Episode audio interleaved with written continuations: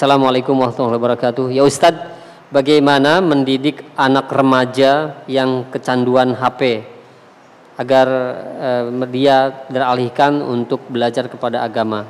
Karena saya baru mengenal manhaj salaf ini. Susah Pak, kalau sudah kecanduan kecuali dengan bekerja keras. Inilah merupakan kesalahan yang fatal dari para orang tua bagaimana orang tua sudah mengizinkan anak-anaknya main HP dari kecil. Demi Allah, anak-anak yang sudah dibiasakan main HP sama orang tuanya lebih banyak menggunakan waktunya untuk hal-hal yang tidak ada manfaatnya. Yang kedua, lebih sulit untuk menuntut ilmunya.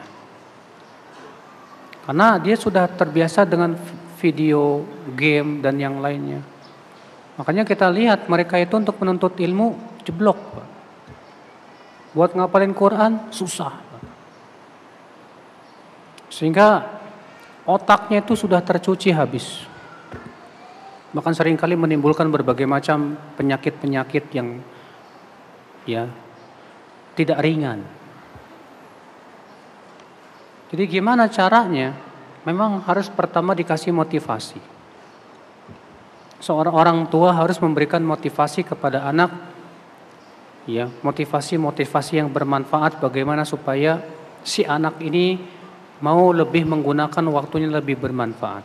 Dengan cara apa? Di antara membacakan kisah-kisah orang-orang para ulama, kisah orang-orang hebat yang mereka menghabiskan waktu mereka dengan ilmu dan yang lainnya. Yang kedua, sedikit demi sedikit kurangi. Kurangi main HP-nya harus. Berikan kepada dia peraturan. Kamu boleh main HP nak dari jam segini sampai jam segini saja. Memang di awal-awal berat pak, tapi nggak apa-apa. Kalau sudah mencandu untuk langsung tinggalkan begitu sulit sekali. Maka caranya kurangi sedikit demi sedikit. Nanti kalau dia sudah mulai bisa mengurangi, kurangi lagi, kurangi lagi. Sampai kepada derajat tidak memegang HP sama sekali. Ada ikhwah kita ketika melihat banyak orang tua punya keluhan-keluhan seperti ini, beliau mencentuh mengusulkan ke saya, Ustadz gimana kalau kita bikin sebuah kegiatan 36 jam tanpa HP. Itu khusus buat anak-anak yang pemuda-pemuda dan remaja-remaja yang sudah kecanduan HP. Caranya kita camping, mengadakan permainan yang sifatnya bermanfaat, ilmu dan yang lainnya. Kita kita bisa gimana caranya si anak ini 36 jam tanpa HP. Ya, kalau istilahnya Pak, kalau pecandu rokok kan butuh apa? Waktu ya.